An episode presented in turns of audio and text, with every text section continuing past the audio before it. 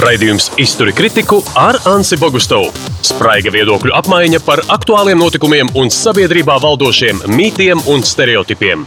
Sveicināti radio EHR ēterā. Šodien mēs mēģināsim tikt skaidrībā ar kaut ko tik īpašu, kas Skandināvijas modelī jau sāk dzīvot. Un uh, mēs te, tiecoties uz Skandināvijas valstīm, arī tiekam tam ar vien tuvāk ar katru dienu. Proti, domāt par darba un privātās dzīves nu, balansu vai loģisku varbūt šo lietu porcionēšanu tik, cik cilvēka dzīve tad beigās paliek laimīga. Trešdaļu dzīves mēs guļam, trešdaļu strādājam, trešdaļu dzīvojam. Tā gan arī jāsaka. Man tie ir divi eksperti, kuri katrs paskatīsies no sava, savas puses. Linda Romele ir Latvijas Brīvo arotbiedrības savienības izglītības un mm, nodarbinātības eksperte, bet Linda patiesībā visas šīs nedēļas tāda kā krustmāte. Ja? Proti, Jā. šonadēļ runājam par šīm tēmām, par ko tu esi uh, nedēļām domājusi, lai mēs šajā nedēļā runātu. Pēters Leškons savukārt palīdzēs uz to visu kā uh, sociālās un uh, veselības aizsardzības politikas eksperts no darba devēju vietas viedokļa paskatīties. Um, jā, nu, Linda, varbūt tu varētu izstāstīt, tad, kurā brīdī vispār mēs varam mērīt ar kādām sastāvdaļām, kad mēs dzīvojam laimīgu dzīvi. Mums ir gan foršs darbs, gan normāla dzīve ārpus darba, un plus vēl tās 8 stundas miega. Tas arī viss nojauc.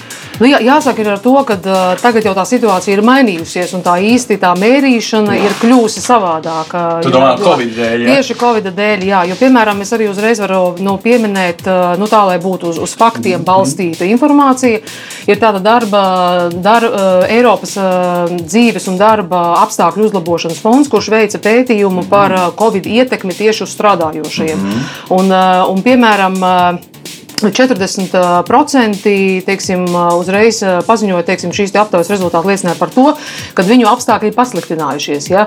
Tāpēc līdz ar to nu, šī situācija, Stress, Covid, tieši tā arī. Un, un pie tam, kas, ja mēs skatāmies uz Latvijas situāciju, tad Latvijā šie re rezultāti bija sliktāki nekā, piemēram, Eiropas vidējie rādītāji attiecībā uz tādu rādītāju, ka, piemēram, ir bailes pazaudēt darbu vai, teiksim, ir nedrošība par nākotni. Bet tās varētu būt atlaiksnījumi no pagājušās krīzes. Nu, ar domu, ka visu laiku Covidam vienmēr tiek piekabināts vārds krīze. Bet gluži vienkārši nu, tagad jau it kā bezdarba rādītāji ir ja ne trīsreiz zemāki nekā tās krīzes laikā 2008. gadā. Jā, protams, bet ja mēs skatāmies piemēram uz tādu situāciju, kad piemēram kādi ir iedzīvotāju uzkrājumi, ah. ja, kas ir arī kaut kāds nu, kā zināms drošības pilvens, vai viņi var pārvarēt šeit, teiksim, šo krīzi, tad Latvijā šie uzkrājumi ir būtiski mazāki nekā Igaunijā un Lietuvā, nemaz nerunājot par Eiropas vidējo. Tāpēc, lai mēs pārvarētu šo krīzi, cilvēkiem nav šī drošības pilvena. Un tāpēc, nu, protams, ir... pilveni viņi varēja sev uzšūt paši. Nu, tādā ziņā rīkojoties. Jā, nu mums, gados. ir, jā, mums ir bijis desmit gadu laika periods, kad mēs varējām šo drošības mm. pilvenu nodrošināt. Bet te atkal jāskatās uz to, kāda ir vidēji ienākuma Latvijā, vai, varam, vai mums ir pie, pienācīgi ienākumi, lai mēs varētu uzkrāt mm. šo drošības pilvenu. Tāpēc nu, tas ir ļoti mm -hmm. komplekss jautājums. Bet šajā nedēļā jūs nerunāsiet nu, tikai par šo covid ietekmi, jūs runāsiet par daudz plašākām Jā. sastāvdaļām, kā mana nezinu, bērnu dārza laiks, kurš ir arī taču bērnu audzinātājai normālai darba dienai būtu jābūt, bet vienlaikus vai septiņos no rīta ir jābūt bērngārzam vaļā, un septiņos vakarā vēl aizvien vaļā, ja tomēr vecākam jāskrien piecos jau no darba prom, pat ja darba devējs ir piemēram dusmīgs ka tu jau piecos aizēji. Mēs taču runājam, ka tu strādās līdz sešiem, bet man bērnu dārsts. Vai par tādām tēmām arī jūs runāsiet par tik kā sadzīviskām? Jā, un uh, Protams, par tādām tēmām mēs runāsim, tāpēc, kad mēs tieši sāksim nedēļu uh, ar konferenci, kas būs uh, sauksies instrumenti darba un uh, dzīves līdzsvaru nodrošināšanai. Mm -hmm. Šī konference būs arī pies, nu, teiksim, noskatām arī tiešraidē būs pieeja no Latvijas Brīvo arvību savienības Facebook konta. Mm -hmm. Aicinam arī visus sekot līdzi, jo un šajā konferencē mēs tieši runāsim par to, kā darba koplīgumi var ietekmēt darbu un privātās dzīves līdzsvaru un uzlabot uzlabot to. Un viens no jautājumiem arī, kad, piemēram, ir tieši tas, ko tu arī pieminēji par bērnistabām. Ja? Bet, piemēram, mēs arī veicam mūsu biedru aptauju, mūsu dalību organizāciju aptauju, un mēs redzam, ka šis jautājums ir ļoti sarežģīts par bērnistabām. Jo, piemēram, ir uzņēmumi, kuri apsver iespēju, piemēram, ierīkot bērnu istabu Bet nu, ir jautājums, piemēram, kā ir ar ēdināšanu un labierīcību. Un tāda ir, teiksim, šiem bērniem ir dažāda, viņi ir dažāda vecuma. Tad kā, teiksim, kā šī aukla varētu nu, teiksim, piemēroties nu, bērniem ar dažādu vecumu. auklē jābūt ar specifisku izglītību. Tieši tā, tieši nedara. tā, tieši tā. Tāpēc nu, arī šis, šis jautājums atkal jā, Labi, bet jā. visi šie jautājumi kopā principā, ir cīņa par nu, iekļaujošāku, modernāku, ērtāku, priekš cilvēka, cilvēku centrētu. Nevis valsts ir galvenā, bet cilvēks ir galvenais. Sabiedrība varētu teikt, ka tas ir tāds cīnoties par šo, mēs cīnāmies būt par Skandināvijas valsti, par Ziemeļu valsti. Nu, Es jau nezinu, es tur Skandināvijā neesmu nevienu brīdi padzīvojis, bet šeit tad es biju, protams, nu, protams, it kā tur viss ir, nu, it kā labāk nekā pie mums, bet to tā īsti saprast nevaru. Mm. Jo es tiešām, es tur strādājis neesmu. Mm. Es esmu bijis, bet strādājis es neesmu, un visus tos apstākļus gan ar mm, bērnu dārziem, gan bērnu istabām, gan vispār es to konkrēti neesmu pieredzējis.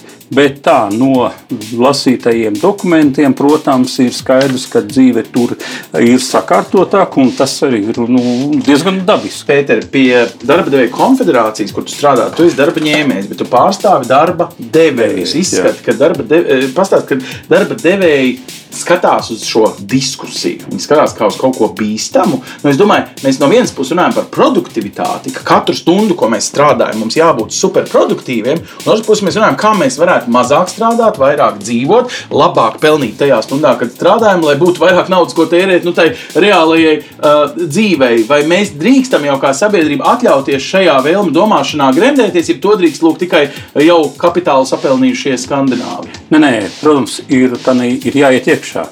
Jo es saprotu, ka nu, pēc, pēc manas saprašanas eh, mums Latvijā.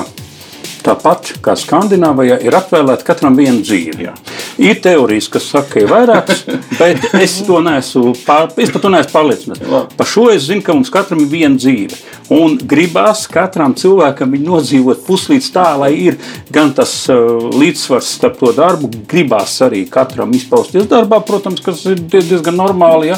Un gribās arī būt uh, mājās ar bērniem, gribās būt ģimenē, uh, gribās ar saviem tuvajiem un gribās arī kaut ko no, no atpūtas. Ja? Un tas ir pilnīgi normāli un tam līdzsvaram vajadzētu būt. Protams, Latvijā ir kā jau tu pieminēji, tas moments, kad 50 gadi ir gājuši ieguldījumi pavisam greizā, šķērdējošā mm. ekonomikā. Tagad mēs nu, 30 gadus ejam no viņas ārā ar diezgan lielu iebraucienu sabrukumu. Mm. Pēc tam bišķiņi jau kāpāmies augšā, un tad atkal krīzes ie, iebrauciens, atkal sākam kāpties ārā. Un tagad nu, es ceru, ka šis nebūs liels iebrauciens, īss un nu, tāds, es ceru, neliels tas iebrauciens, bet viņš realitāte realitātei pastāv. Ja? Nu, paldies Dievam, viņam vakar Latvijas banka pasludināja, ka tomēr nu, mazliet seklāks, mazāks tas uh, iekritiens būs seklāks, ja, kas ir patīkami. Bet, protams, ir nu, jābūt tam iespēju robežās. Mums jādara viss, lai uh, nu, dzīv, nodzīvotu, katrs cilvēks nodzīvot šo vienīgo savu dzīvi pēc iespējas tā, lai. Nu, Lai viņš būtu normāli dzīvojis, tā var teikt. Labi, tad teorijai tu piekrīti, praksē Pie vārda mēs varam jau to atļauties. Uh, nē, to var atļauties jebkurā, jebkurā dzīves situācijā.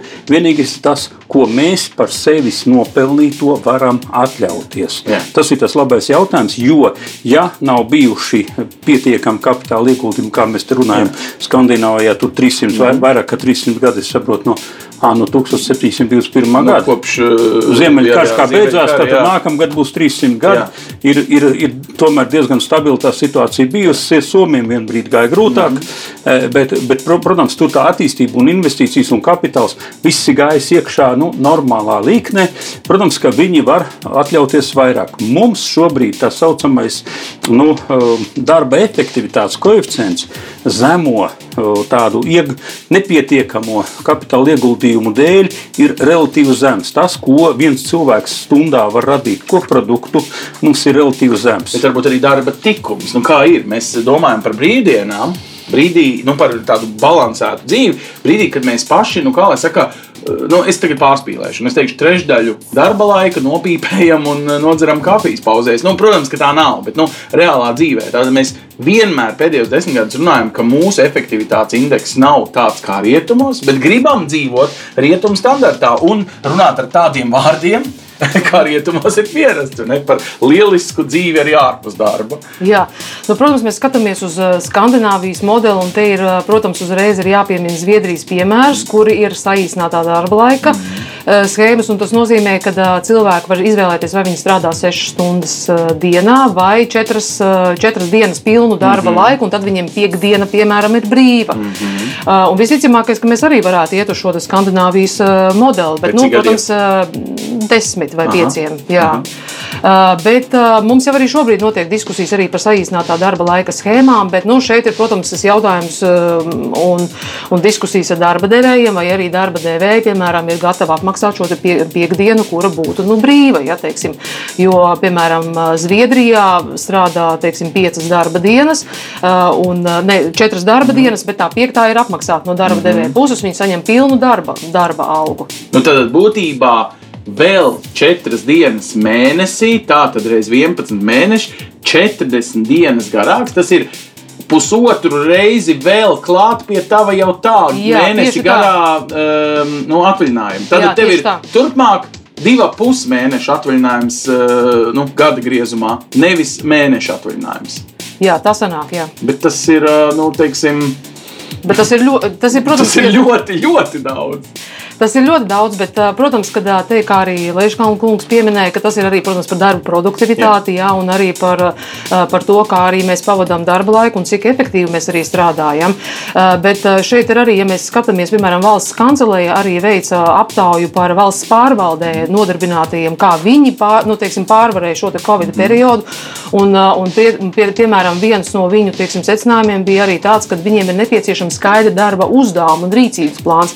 Tā kā nu, ir jautājums, vai vienmēr mums ir arī mm. precīzi tie darba uzdevumi. Ka mēs sēžam no 9 līdz 5 teiksim, valsts eh, pārvaldes iestādē. Es... Bet iespējams, ka mēs nu, esam tur, nevis efektīvi strādājam. Ja? Jā, bet tas ir arī saistīts tieši ar Covid laiku. Jā. Jā, teiksim, kā mēs arī veicām un organizējām šo attālināto darbu. Bet no tā var daudz ko mācīties. Nu, tieši tā, tieši tā. Jā, -hmm. jā. Labi, nu, Pēter, tad efektivitāti var izmērīt pat vieglāk nekā šo laimi indeksu eh, par to, cik ir foršā balansā mana nu, darba dzīve ar manu privāto dzīvi. Un varbūt daži cilvēki teikt, nu, klau, nu, vajag taču vienkārši darīt to, kas ir tavs hobijs, un tev nekad nebūs jāstrādā.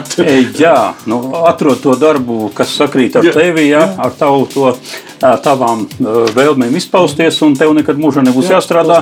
Tu vienkārši īstenos sevi un saņems algu, un daudziem tas tā arī ir. Jā. Bet, protams, ja mēs skatāmies jā, uz šo efektivitāti, tad mēs saprotam, ka nu, Latvijā ir kaut kādi 30 miljardi koprodukts iekšzemes, un tie nu, nodarbinātie, kas tieši iesaistīti šajā radīšanā, ir ap 600 tūkstoši. Nu, labi, nu, valdība cer to noregulēt, ka visi 900 tūkstoši maksās pilnu nodokli ne, ne, tuvākajos gados gados. Maksāt var, protams, jo ir e, tie nu, nepilnie 300 tūkstoši cilvēku, ir, ir vajadzīgi gan mm. valsts pārvalde, gan viss, lai vispār šeit tas bizness varētu no, mm. būt, lai šeit varētu cilvēkiem būt, e, lai bērni iet skolā, lai būtu veselības mm. aprūpe. Tas jau viss arī ir vajadzīgs. Jautājums, protams, ir par valsts pārvaldi, cik tam tieši tam pārvaldes aparātam mm. jābūt lielam un tā tālāk.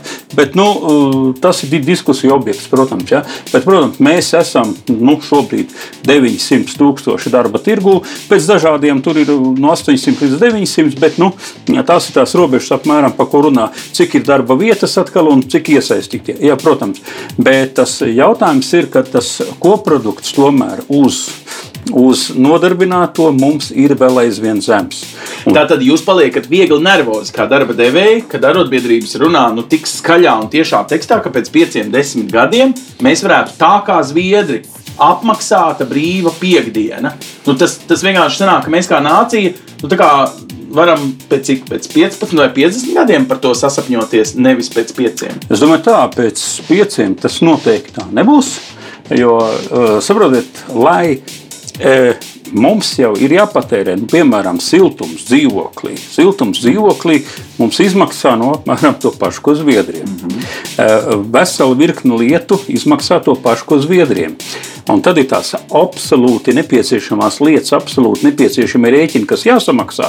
Un mums atalgojumā šis īpatsvars kas ir obligāti jāsamaksā, ir relatīvi liels. Tāpēc jau Romanis Kunze arī minēja to momentu, vai, mē, vai mums tas atalgojuma virsvērtība virs tām mm -hmm. obligātajiem izdevumiem ir tik liela, mm -hmm. lai mēs varētu uztaisīt uzkrājumu. Nu, bet varbūt pēc pieciem gadiem pēkšņi notiek brīnums. Mūsu vietā visu izdara roboti, un mēs tikai saņemam robotu vietā algu un eh, tērējam viņu tajā savā piekdienā, ja brīvajā. Nē, nē, nē. Tā brīdī, protams, ja mēs skatāmies šobrīd uz, uz, uz, reālo, uz realitāti mm. Latvijā.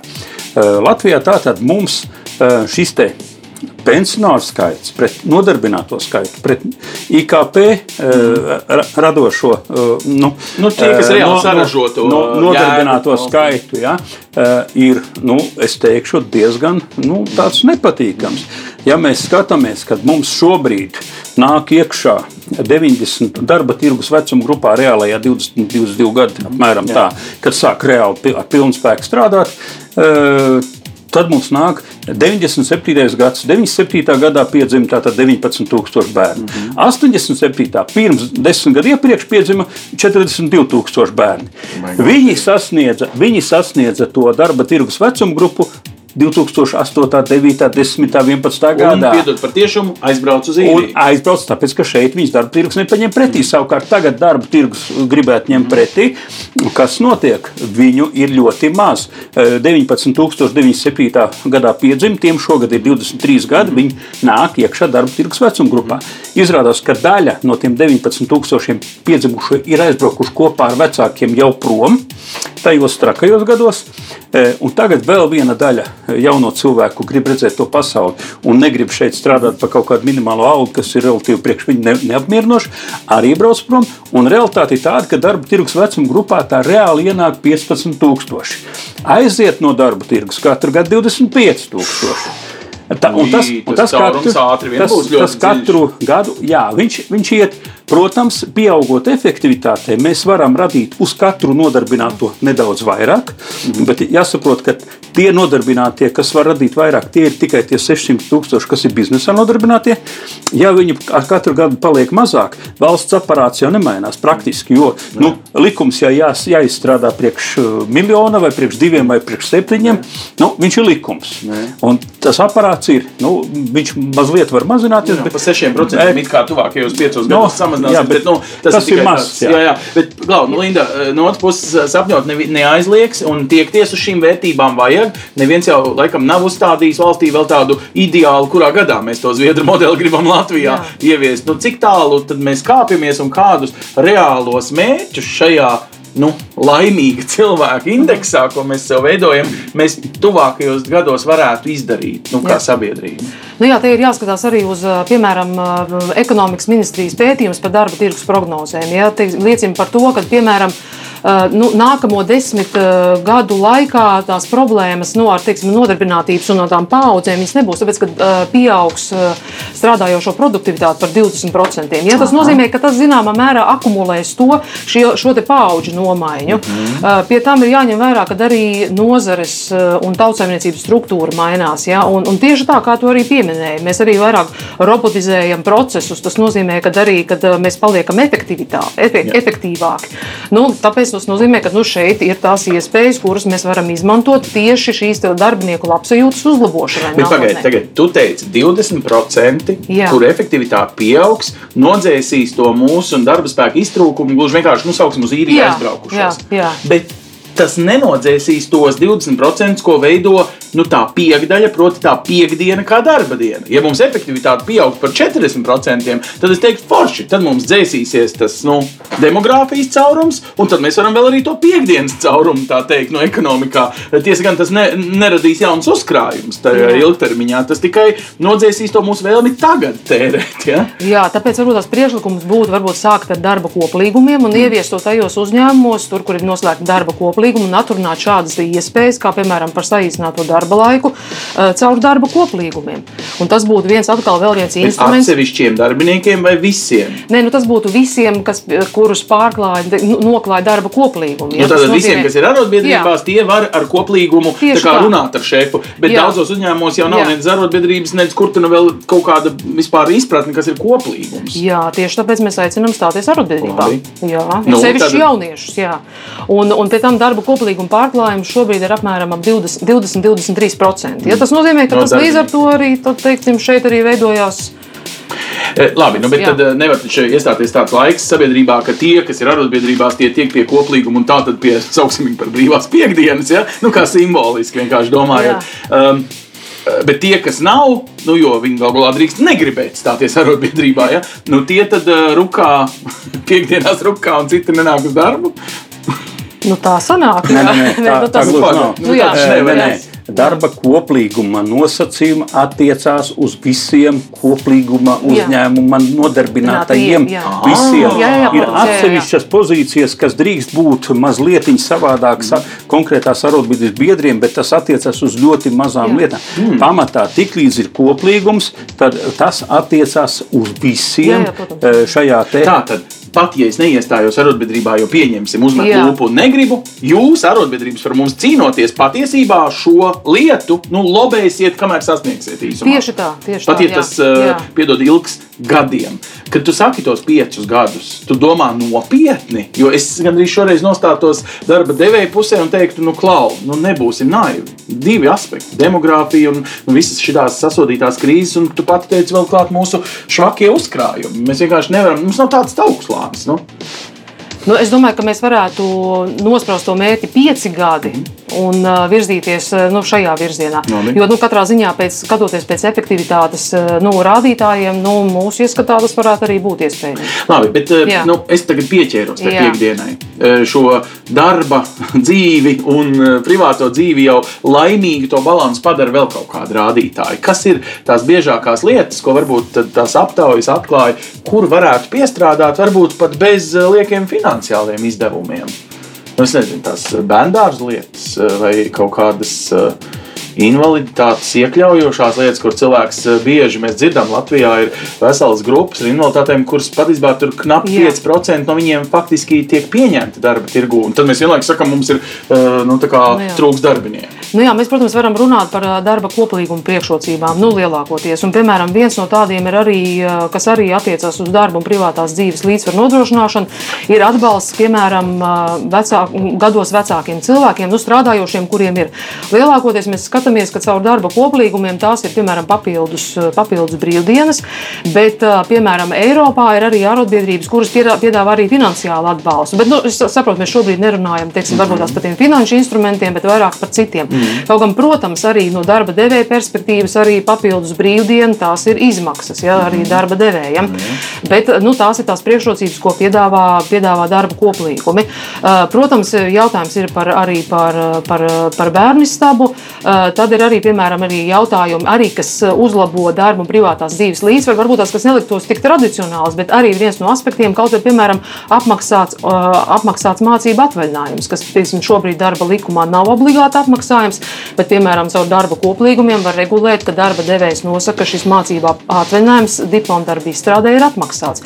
Tādā veidā mēs arī uzlabojam uh, nu, teiksim, strādājošo iesaisti izglītībā, it sevišķi, ja šis diplomdarbs ir saistīts ar darba specifiku un uzņēmumu vajadzībām. Nu, tad es jā, ja protams, darba devējs ar to protams, iegūst, jā, jā, protams, jā. iegūst no tā. Bet nesenāk tā, ka mēs gribam to, mēs gribam šito, mēs gribam to, un to visu maksā gan kā apmaksātu algu, gan tad sekot arī vēl trešdaļa patieso izmaksu klāt. Ir nodokļi, to visu jāmaksā darba devējiem. Nu, citiem vārdiem, ja mēs maksājam sociālo nodokli, tas ir sociāls labums, teorētiski viņš ir vienkārši savādāk jāpārdala no sociālā budžeta pārdalījumiem. Tas jau ir uzkrāts sociālā budžetā. Kāpēc es to visu automātiski prasu kā, kā darba devējam, ka viņš man ir parādā?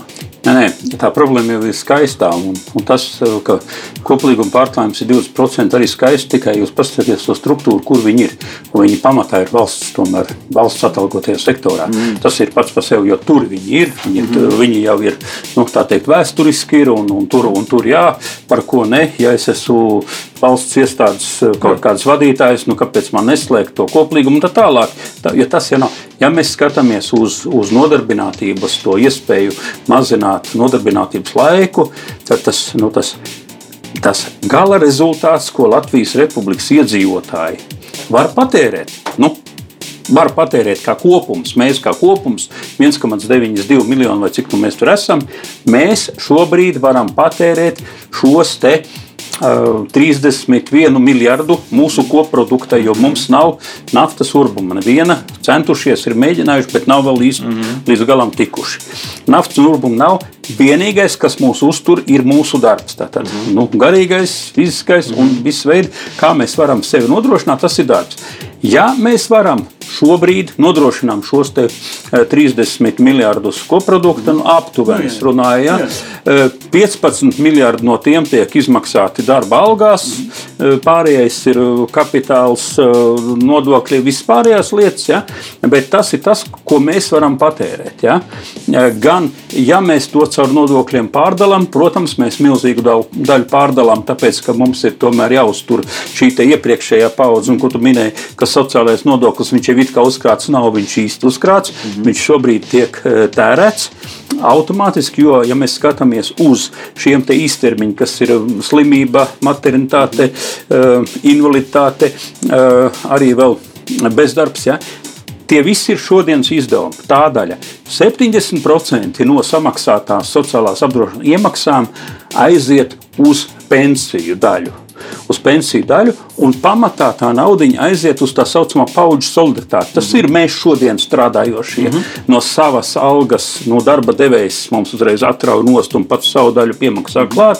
Tā ap 70% nonāk pensijās. Šodienas pēc, pēc paudžu solidaritātes principa. Tātad mēs šodien maksājam, e, pensionāri šodien saņem 6% punkti tikai 6% punkti, kas ir nu, nedaudz vairāk nekā sestāvdaļa no samaksātās sociālās apdrošināšanas iemaksas, ieiet tā saucamajā otrajā pensiju nu, līmenī. Mūsu privātajā uzkrājumā. Jā, jā, tas mm. ir uzkrājumiņš, un viņš būs atkarīgs no tā, kā nu tās, kā nu tās akcijas tajos tirgos spēlēsies. Mm. Jā, bet tikai... strādājam mēs tagad. Mēs tagad dzīvot, mēs gribam tagad. tagad. Un, un mūsu pensionāriem ir jāsaņem līdzekļi tagad. Jā, bet man teorētiski nav pilna atbildība par savu vecmāmu. Viņa jāuzņemās, ka viņai gadījās eh, strādāt eh, padomu laikos. Es gribu nu, tos labumus, ko man rekurs sola nu, Zviedru modelis. Ja? Nē, protams, par savu vecmāmiņu mums civil likums 188. pants nav atcelts. Jā. Viņš darbojās, viņš diezgan muļķīgi, ka nav atcelts, jā. bet viņš darbojās.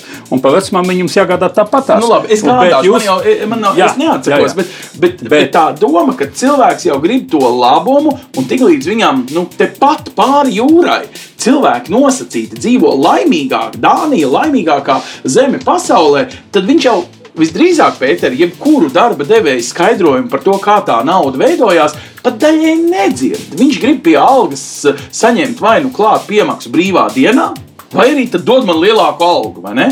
Nu, sanāk, un tu man saki, bet aprēķins veidojas tā un tā, un tajā ir jāiedziļinās.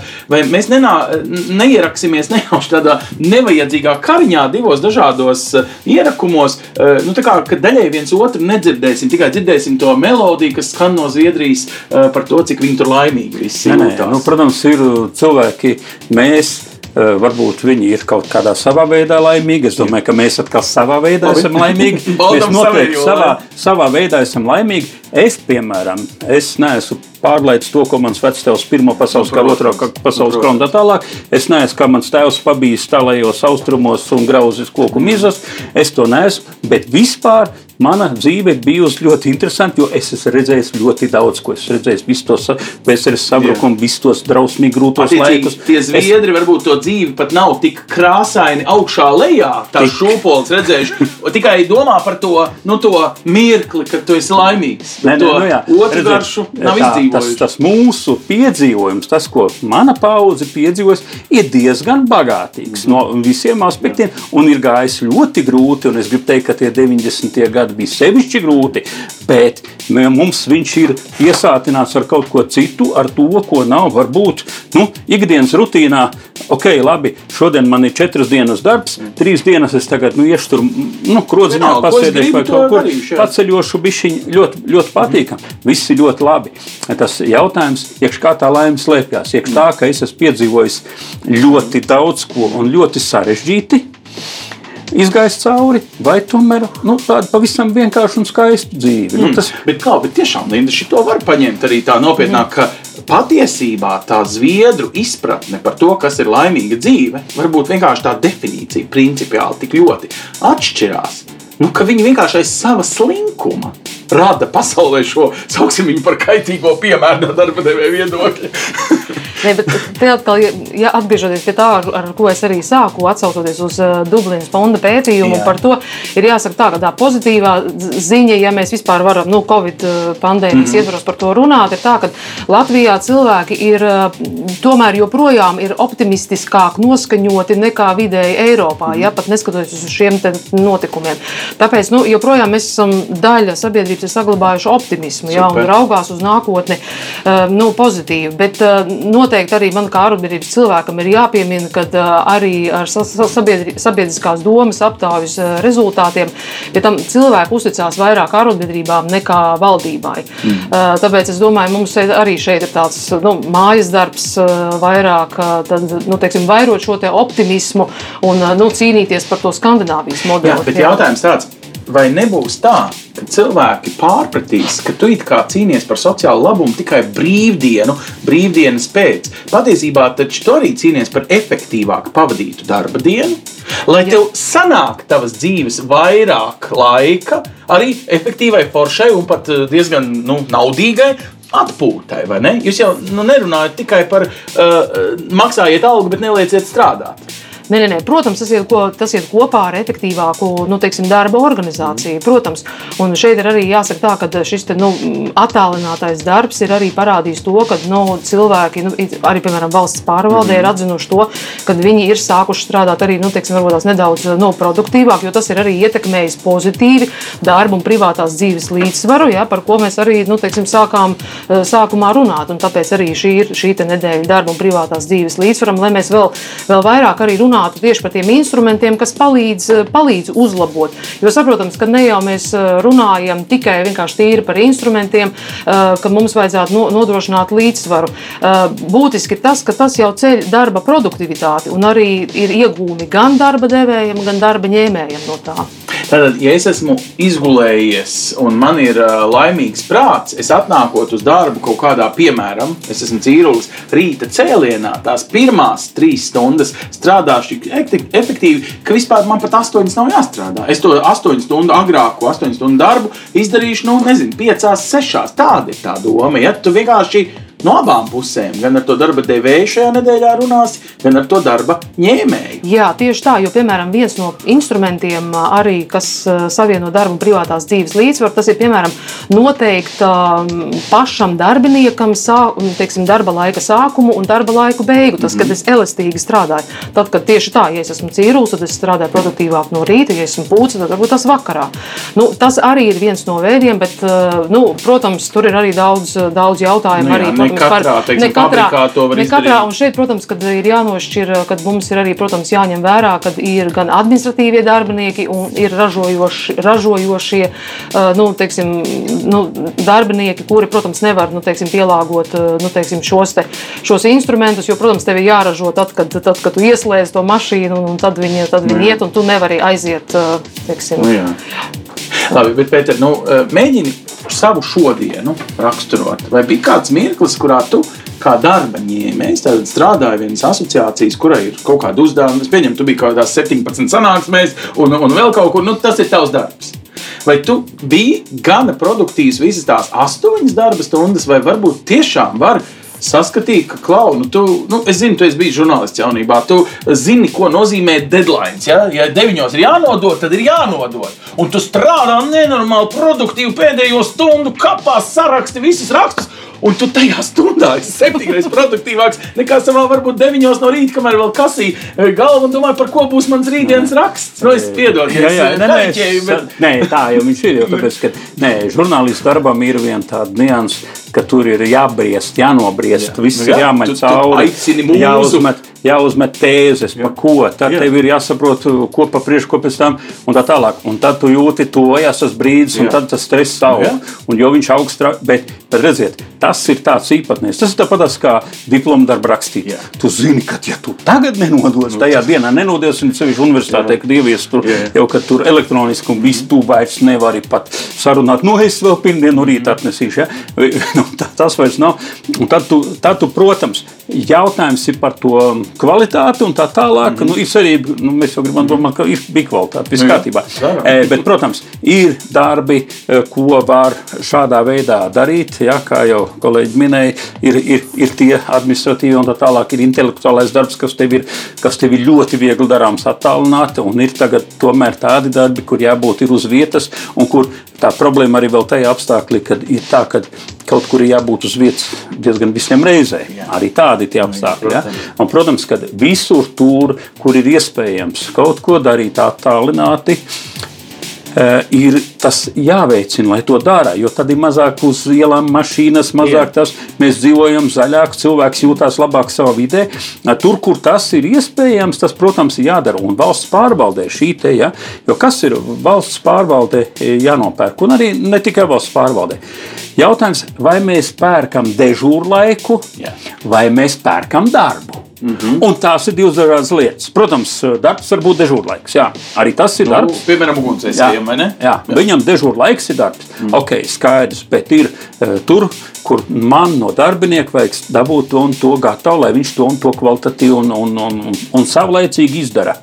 Tātad šajā gadījumā dežūra laika darbiniekam, teiksim, ugunsdzēsējiem, mēs līdz šim maksājām par nodežūrētām stundām. Un savā ziņā tarifs par nodežūrēto vai tiešām fiziski dzēsto ir vienāds. vai ne? Jā. Un risks, piemēram, tajā stundā, piedod, aiziet pat bojā, varbūt kaut kādā trakā gadījumā ir 700 reizes lielāks, eh, tad, kad ir tas ugunsgrēks. Bet, bet samaksa ir dažāda. Bet tagad sanāk, ka mums arī filozofiski ir jāsāk cilvēkiem varbūt attiecināt, vispār padarīt tais darbs savādāk mērīt. Lai nu, savādāk sastādītu to, par ko tad viņš kad nopelna. Jo pats sēņot, ejot, Tu vari štukot to savu fantastiski ģeniālo, teiksim, diplomu darbu vai nu, kaut kādu jaunu likuma normu. Nē, nē, tas jau galvā maisās. Protams. Jā, tas bet- galvā vienmēr maisās. to mēs reti kad ierēķinām. Mēs pat ierēķinām tā, ka, ja man astoņas stundas ir jānostrādā šī darbā, es tad vēl varu paspēt divas stundas uz puslodzīti, aizskriet vēl uz citu, un uz vēl trešo un uz ceturto darbu. Tas taču arī ir modē. 21. gadsimtā taču visi zina, ka olas nedrīkst vienā groziņā visas likt. To pat vecmāmiņa zināja Pirmajā pasaules karā.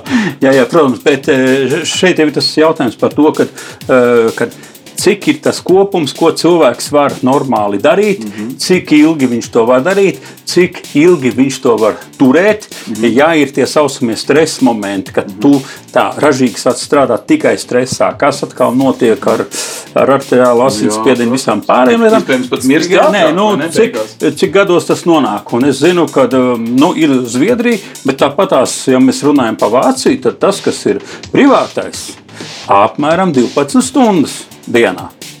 Viņi apmēram 12 stundas dienā strādā vidēji.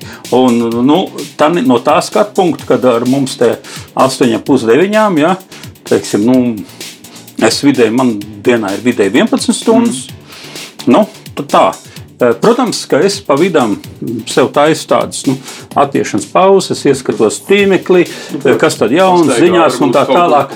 Jā, man patīk bišķiņi, es staigāju pa to, mums ir labs tas, eh, kab, nu, eh, labs kabinets, es pa to tā lēnām staigāju, klusā grīda, viss kārtībā. Eh, Protams, tas jautājums ir, jā, vai es izdaru to, ko darba devējs no manis grib saņemt. Jā? Un tas ir tas, ja es to izdaru, viss ir ok. Ja mēs saslēdzam koplīgumus un vienkārši pasakām, ok, mēs strādājam tagad četras dienas nedēļā, ir jāsaprot viena lieta. Kapitāls ir ieguldīts rēķinoties ar piecām dienām nedēļā. Mēs strādājam četras. Tātad kapitāla dīkstāv pieaug. Tas ir viens. Otrs, ja mēs pa šīm četrām dienām saražojam un veselā virknē lietu. Tas cilvēka sniegums, ko viņš var tajā, tajās astoņās stundās izdarīt, vai sešās vienalga, ir stipri līdzīgs. Ja? Nu, viņš ir proporcionāli līdzīgs tam stundu skaitam. Jo ir tās lietas, ka tu nevari tomēr ātrāk, vai tu nevari. Nu, nevar kāpināt bezgalīgi. Ja? Tas jau bija kādreiz ar to uh, konveijera mērītu, cik var daudz kāpināt, kamēr cilvēks sāk pieļaut kļūdas. Un tad, kad viņš sāk pieļaut kļūdas, tad iziepas. Ja? Un tātad tas jautājums, vai mēs ar četrām darba dienām varam uztaisīt to koproduktu tik lielu, lai mums šiem 1,9 miljoniem būtu labi. Ja mēs esam pieticīgāki, ok, bet mēs gribam tomēr arī. Mēs jau gribam to skandināvu modeli pilnībā, ne tikai brīvdienu, bet arī to dzīves līmeni. To dzīves līmeni. Mēs gribam dabūt to, ka mēs spējam nopirkt nu, daudz vairāk nekā mēs. Vai mums to vajag, tas ir cits jautājums. Pēter, tik tālu paldies par izskaidrojumu, bet Linda, nu, mēs varētu teikt tā. Uh, pirms 2000 gadiem, kad radās Bībele, tad principā mēs uzzinājām tādu konceptu, ka Dievs mums ir radījis, lai svētdienā mēs nestrādājam. Pirms simts gadiem, gadiem ne? Jā. mēs patiesībā tikai uzzinājām, ka vēl varētu strādāt tikai arī piecas. Jo agrāk jā, uz fabrikām cilvēki gāja nu, principā, katru dienu. Nu, labi, varbūt citreiz svētdienās negāja, strādāja sešas dienas nedēļā. Tad iestājās nu, pirmais, otrais pasaules karš, un tas sasniegums bija lūk, šī, nu, sauksim par pirmā māja ideju, -hmm. ka mēs uh, zinām, ka ir astoņi 8 stundu darba diena, ka pienāks gan sestdiena, gan svētdiena, tad varētu teikt, ka šis ir jauns evolucionārs lēciens, kurā mums ir vienkārši paldies, mēs pieņēmām zināšanai darba devēju aprēķinus, bet nu, mums ir jāiet tālāk, jo lielākā daļa sabiedrības ir darba ņēmēji, nevis darba devēji. Ja? Jā. Nu, vispirms jau droši vien ir tā, ka jāsāk būtu ar, ar to, ko tu arī pats pieminēji. Ja, kad mēs strādājam 8 stundas, tad mēs vēl pastrādājam tur 2 stundas un vēl tur 2 stundas. Nu, tad mēs arī sevi līdzīgi mānam. Mēs arī nedaudz paši. arī paši sevi mānam, un, un tas, tas, tas virsstundu nu, teiksim, tas, tas apjoms ir nu, diezgan būtisks. Bet vienmēr ir jautājums jau arī tāpēc, kāpēc šāda situācija ir. Tāpēc, ka cilvēki arī cenšas pēc iespējas vairāk arī nopelnīt, un nav arī šī te, nu, cienīgā, darba, cienīgā darba alga. Mm. Tāpēc arī nu, mēs par to runājam, un tieši ar citu nākamnedēļ, 7. oktobrī, ir cienīga darba diena, ko ir definējusi Startautiskā darba organizācija, un ko atzīmē nu, arotbiedrības, un ne tikai arotbiedrības visā pasaulē. Un tas ietver tieši to, to cienīgo darba samaksu. Un tas nozīmē, ja man būs cienīga darba samaksa, iespējams, man nevajadzēs arī strādāt divas stundas tur un divas stundas tur.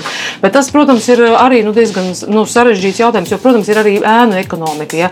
Un, ja mēs skatāmies uz to, ka 25% vai nu, aptuveni 25% eh, saņem minimālo algu vai mazāk, ja, tad ir jautājums arī šeit arī ir tā kapacitāte, kur tie resursi uzkrājas. Ja? Jo ir daļa, teiksim, varbūt tās ar sabiedrību, kas nav mm. nomaksājuši nodokļus yeah. un kas, kas varētu arī nu, teiksim, nu, uzturēt arī teiksim, te, šīs te vajadzības, kas, ko mēs pašlaik varbūt tās nevaram arī. Nu, tā ir tāda plašāka doma par efektīvu valsti, ja viņa jā būtu super efektīva arī pret nezinu, kaut vai nodokļu nemaksātājiem, tad mēs visi kopā baudītu vairāk šo sociālo labumu. Jā. Bet vai sociālais labums netiek sašaurināts šai kontekstā, ka tikai te jau, nu, piedod, es tev visu laiku pieksos par to kā brīvdienu, bet eh, nu, tātad, ka tikai samazināts darba laiks ir tas nu, cilvēka laimes indeksa pamats. Vai nav tā, ka Skandinavijas valstīs, kur viņš ir teorētiski visaugstākais, mums ir daudz jutīgāk jāapstāsta, kas tad determinēja, ka tie dāņi pateica, ka viņi pasaulē jūtas vislaimīgākie, pat ja dzīvo tādā pašā pelēcīgā ziemeļvalstī kā mēs. Nu, jā, bet iespējams, ka mēs tās, sākām no tās nepareizās puses. Jā. Jā, kad iespējams, ka mēs uzreiz sākām runāt par to, ka ir, ir papildus viena, būtu papildus mm. viena brīva diena. Bet varbūt tās, ka ja mēs ejam no tās otras mm. puses, mm. kad mums būtu papildus brīva diena, uh, ko pavadīt kopā ar ģimeni, mm. nevis nestrādāt, bet uh, tas, tas ieguvums, nevis tas tie, tie mm izdevumi. Ja?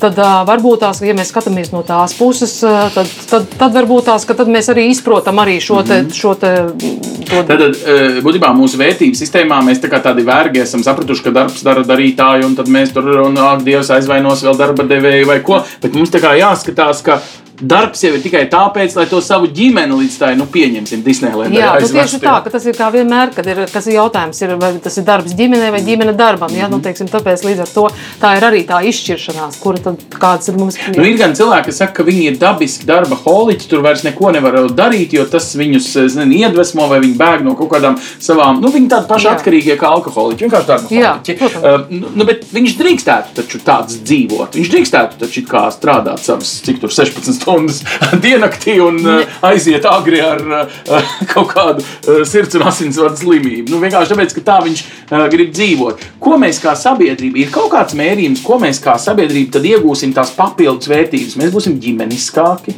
nu, tādi varbūt konservatīvāki vai vēl kaut kādi. Vai, vai, vai ir tādi, nu, um, ilgtermiņa vērtību ieguvumi, ko tie skandināvi, piemēram, vēlas iegūt no šī. Un tad varbūt arī tas būs vieglāk saprotams mums kā vērtību ieguvumi. Jā, nu tas katrā ziņā ir jāsaka, tas varētu būt mūsu mājas darbs, mm -hmm. jā, ko, ko izpētīt un varbūt tās arī nākt klajā. Jo mēs arī tieši arī domājam, arī nākt nu, klajā, varbūt tas nebūs šogad, bet nākamā gada sākumā arī ar rekomendācijām tieši valdībai, jā, ko vajadzētu darīt attiecībā uz darba un privātās dzīves saskaņošanu un šī līdzsvaru uzlabošanu. Tad uh, visticamākais arī, kad, uh, jo mēs arī šobrīd veicam arī pētījumu par to, kā uh, tiek īstenots līdzsvars arī uzņēmumos. Tāpēc līdz ar to nu, tas varētu būt arī viens no tādiem mājas darbiem un uzdevumiem. Klā, bet Linda, nu, tu zini, ka šai valdībai, šajā valstī 20 cik tur gadus ir faktiski sociāldemokrāti ļoti sen nav bijuši pie varas. Nu, tādā ziņā, ka sociāldemokrāti parasti vairāk domā šajās darba ņēmēju kategorijās. Nu, principā tie ir konservatīvie, nu labi, bišķiņi liberāļi tagad arī valdībā, nu, kuri nu, tā ļoti vecā schēmā runājot, principā runā darba uh, devēja interesēs, un, un, un viņš ir galvenais nodokļu maksātājs. Tātad valdības acīs viņš ir dievs. Kādas ir domas, kāpēc Latvijā pēkšņi konceptuāli mainītos vēsmas šajā virzienā? Tāpēc, kad uh, arotbiedrības un darba devēji un, un valsts ir iesaistīti sociālajā dialogā, mm -hmm. mēs katrā ziņā no arotbiedrības Latvijā uzskatām, ka tas sociālais dialogs būtu jābūvē sarunu ceļā. Mm -hmm. Tātad tas ir nu, pamats, un tāpēc mēs arī saskatām, ka līdz šim ir bijušas arī veiksmīgas, ir, ir bijušas neveiksmīgas, bet ir bijušas veiksmīgas sarunas. Mēs domājam, ka arī turpmāk, teiksim, sarunu ceļā tas ir iespējams arī nu, panākt arī izmaiņas. Mm -hmm. Jo tāpēc ir arī trīspusējā sadarbības padoma, kur arī pārstāvja pārstāvēts visas puses, ja, un kur arī tiek virzīti dažādi priekšlikumi. Nu, tagad trīspusējā sadarbības padomē sēžot pie galda, nu, atnāk ar šī konceptuālu ideju, kura nu, nu, jebkurš premjerministrs teiks, pagaidi, man šī gada budžets knapi iet kopā. Mums ir šaušalīgs uh, budžeta deficīts, knapi Briselē saskaņots, tik liels ārējais uh, parāds, ir vēl tas covid. Nu, ko tik visu neizdomās politiķis, lai to nu, ilgtermiņā nedarītu, jo pēc tiem slavenajiem Lindas eh, nospraustiem pieciem gadiem jau viņš visdrīzāk nebūs pat premjerministrs. Ne? Vairs. Nu, tātad, kā tev liekas, šis ir tāds nākamais nācijas ilgtermiņa mērķis? Mēs esam iestājušies NATO, iestājušies Eiropas Savienībā, ka šis būtu tāds īsts Latvijas nākamās desmitgades sasniedzamais darbs. Es nedomāju, noteikti, ka tās ir um, četras darba dienas nedēļā. Mm. Es to nedomāju. Es katrā ziņā atceros sešas. Mm. Bija man tas, tā laime un tas prieks eh, strādāt arī sešas dienas. Toreiz gan bija septiņu, darba, septiņu stundu darba diena un sestdienā sešas. Pēc tam uztaisīja, kad ir 41 stundu paliek, bet tad bija 8 stundas plus uh, strādājušās sestdienas. Nu, es tam visam esmu izgājis cauri. Un, jā, un tā es saprotu, tā fabriks meitenes dziesma arī nemaz tik ļoti sena nav. No, Viņa tāda pavisam ļoti sena nav. Tur bija runa, liekas, par 16 stundām. Bet, nu, tas bija, protams, mazliet alegorisks vēstījums. Jā, protams, bet uh, es nedomāju, ka tas, bet tas, ka mums ir jākļūst efektīvākiem ir jākļūst efektīvākiem. Un tas, ko Linda arī pieminēja, jautājums par to, vai mēs visi maksājam nodokļus mm -hmm. tajā apmērā, kādā būtu jāmaksā. Jo ja mums 270 tūkstoši cilvēku Latvijā ir nodarbināti eh, minimālā alga, un no tiem 180 vēl zem minimālās mm -hmm. algas. Eh, un, un mēs zinām, ka aploksņa auga sektors ir 23%. Mēs zinām to, ka ja šie 23% samaksātu savus, tad mums būtu pāriem vieglāk un, e, tas, un pensionāriem būtu labākas pensijas un valsts nodarbinātiem būtu labākas algas. Jā, bet, nu, protams, ja mūsu uh, pseido-kreisa populistiskā nodokļu sistēma veicina īpaši lētā darba spēka ekonomiku, kā tas šobrīd ir ar diferencēto neapliekamo, ka tiek īpaši veicināta lētā darba spēka un aploksņa ekonomika, tad, protams, te nav runa ne par pieciem, ne pat par desmit gadiem. Lai mēs mainītos, mums jāmaina nodokļu politika, kas ir orientēta uz augstāku pievienoto vērtību. Ja mēs skatāmies uz Lietuvu un uz Igauniju, tad iekšzemes koprodukts uz iedzīvotāju gan Lietuvā, gan Igaunijā ir par 25% augstāks. Bet tātad tu man saki īsumā tā ka skandināvu labumi faktiski ir sa sasniedzami pie tā, ka visi, daudz maz, nu, visi, gan jau ka Skandināvijā arī ir kāds, kas apliek nodokļus, bet maksā arī lielākus nodokļus. Jo Skandināvija ir slavenākā vieta pasaulē ar vislielākajiem nodokļiem no cilvēku algas. Nu, faktiski, te, nu tā, lai viegli teikt, puse. Mēs kādu trešdaļu, viņi pusi nodod kopējos tur, nodokļos. Tur nav tik traki. Tur ar tām likmēm ir jāskatās, un tur ir atkal neapliekama un vispārējās lietas.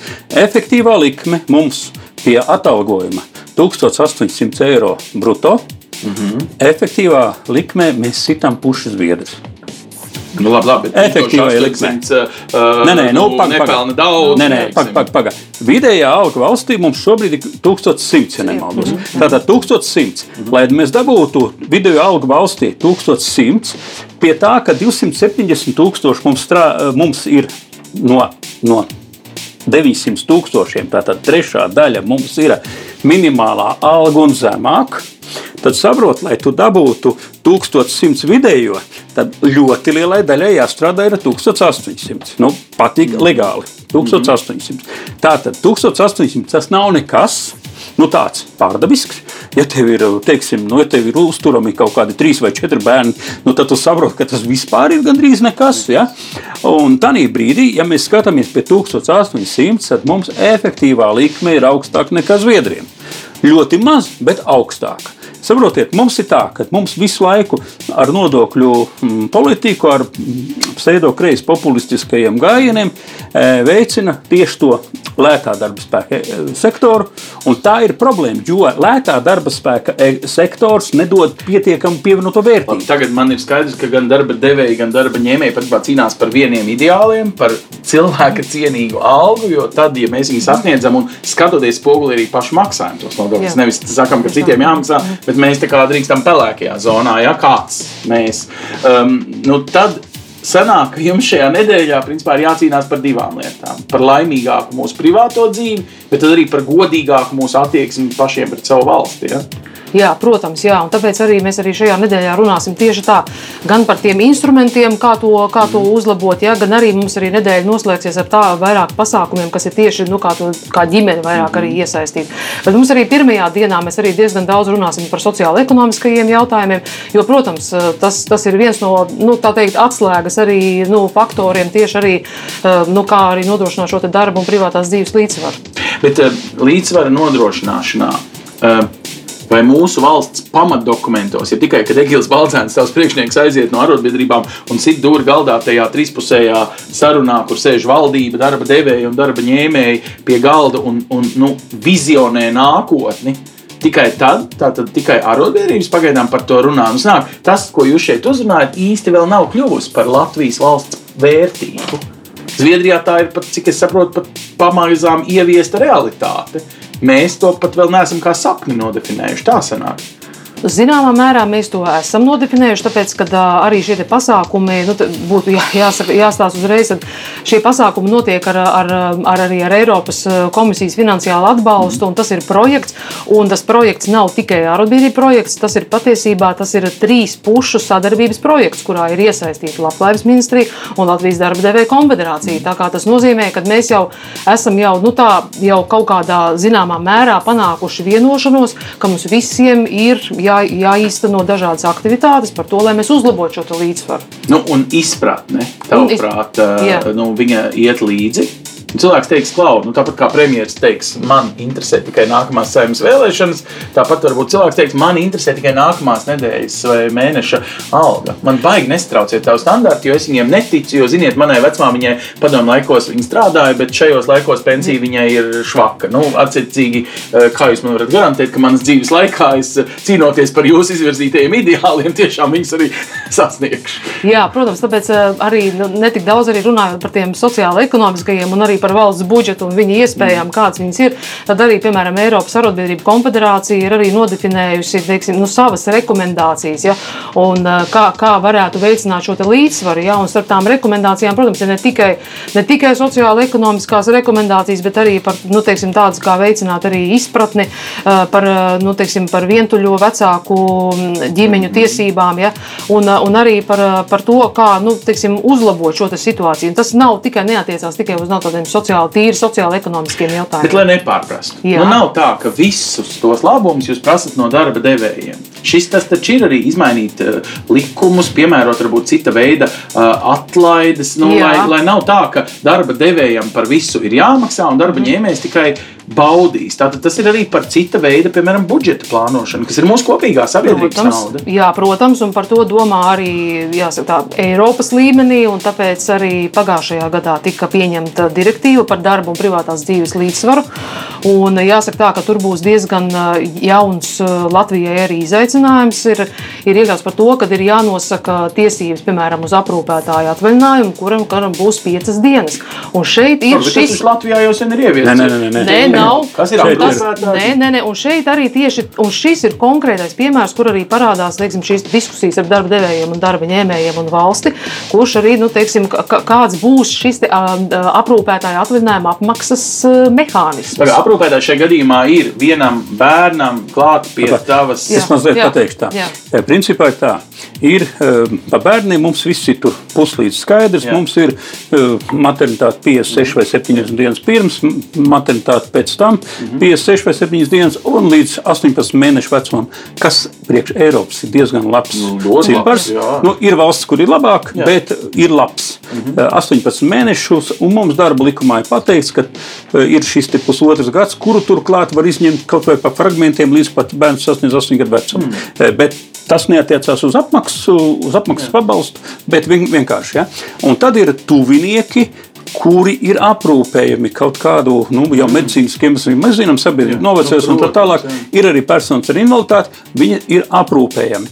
Un, eh, teiksim tā, Eiropā šobrīd 80% no aprūpas pakalpojumiem, kas tiek sniegti, sniedz kāds no tuviniekiem. Nevis, uh, Eh, Nevis, speci krusts vai, ne, uh, nevis specializētās institūcijas, bet eh, nu, tas ir vieglākajās formās. Aptuveni 80% to, to palīdzību, ikdienišķo un to visu sniedz kāds no tuviniekiem. 15% no darbspējas vecuma esošiem eh, Eiropas iedzīvotājiem ir iesaistīti kāda sava tuvinieka aprūpē. Un to dara pa brīvu un savā faktiski brīvajā laikā. viņš ir nevis viņš, tā kā darba jā, laikā. viņš kā tuvinieks aprūpē tuvinieku. Jā. Tā kā mēs esam pieraduši nu, ģimeniskā saites un tā tālāk. Un, un, tas, un, tas ir, un tas ir tas apjoms, kā šobrīd notiek. Protams, attiecīgi 20% gadījumu tie cilvēki jau ir tādā situācijā, kad viņiem vajag jau specializētu vai institucionālu aprūpi. Ja? Bet Tā tad tas ir tas. Un šobrīd ir situācija kāda. Ja vajag cilvēkam aizvest savu nu, māmu, vienalga, ko tēti, aizvest uz iestādi, uz ārstniecības iestādi, viņš pats nevar aizbraukt. Viņš ir jāizved, tur jāizvadā pa kabinetiem, viss jāatved mājās. Un tev jāizlūdz faktiski Jāizlūdzas brīvdiena. Jā. Šī direktīva paredzēs, ka vismaz piecas dienas gadā būs jādod obligāti. Darba devējiem, kā brīvdiena, kā tāda, tev nebūs jālūdzās, bet tev būs laicīgi darba devējs jāpabrīdina. Ziniet, ko man tad un tad ir pieņemts dakteris tāds un tāds, tur un tur, plānveida pasākums. Man ir vajadzīga brīvdiena, un darba devējs tur var darīt, ko grib. Viņam jāmeklē aizvietotājs. Nu, tā ir viņa problēma, tā sacīt. Ja? Viņam tas jāizdara. Un, nu, tas, ir tas, tas ir tas, pa ko uh, Līta minēja. Visi šie mazie skaistumi patiesībā mūs virza tuvāk tai Jā. sociālajai Eiropai, par kuru, piedod, bet tad, kad mēs stājāmies Eiropas Savienībā, Eiropa negribēja dzirdēt, jo viņai bija bailes, ka mēs, austrumēropieši, apēdīsim viņu vidējās algas. Tagad viņi paši par to sāk runāt. Nav tā, Linda, ka, ka nu, tagad pēdējie Eiropas Savienības līderi viņi runā par šo iekļaujošāku, par to, nu, ka tas ir tas īpašais Eiropas modelis un ka mēs visi gribam dzīvot daudz maz nu, sociāli vienlīdzīgākās sabiedrībās. Nu, laikam vēl ne tik ātri Luksemburgas alga Latvijā, bet nu, tā ideja, mēs ejam uz to jau pat Eiropas diezgan ātriem soļiem, un pat ja mēs paši vēl par to tikai mīņājamies, Znāk, ka Eiropa jau mums liek, ja tu man saki, ka tā jau ir par direktīvu. Viņi jau ir jāievieš, tur vairs nav uh, diskusija. Jā, nu, bet uh, patiesībā diskusijas tur ir un diezgan lielas, tāpēc, ka uh, direktīva ir jāievieš. Bet uh, jautājums jau paliek atklāts katras valsts kompetencijai, kas par šīm piecām dienām maksās. Aha. Vai tas būs darba devējs, vai tas būs darba ņēmējiem neapmaksāts.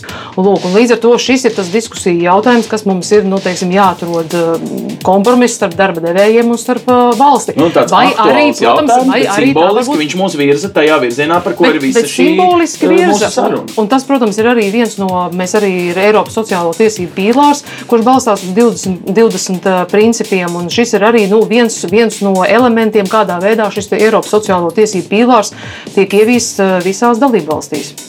Nu, tātad, ja ne mēs paši, tad vismaz mūsu draugi tepat pāri jūrai vai Briselē 2000 km uz dienvidiem parādīs mums tādu. Nu, Pareizo gaismu vai domāšanas mm. veidu.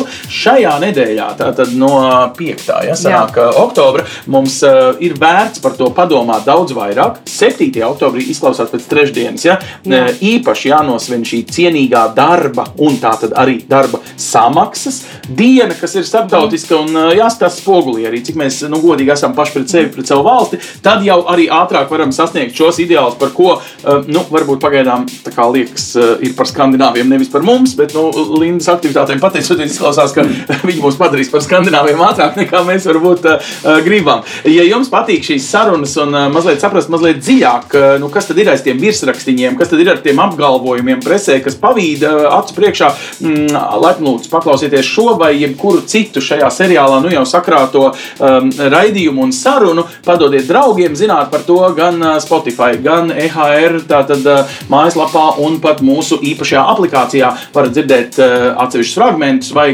pilnībā šīs un citas tēmas, kas sākumā liekas sarežģītas, mēs te mēģinam tā mazliet vienkāršāk izskaidrot. Laipni lūdzu pievienoties atkal uz redzēšanos. Paldies Pēterim Leškalnam un paldies uh, Lindai Romelei. Projektu finansē Mediju atbalsta fonds no Latvijas valsts budžeta līdzekļiem.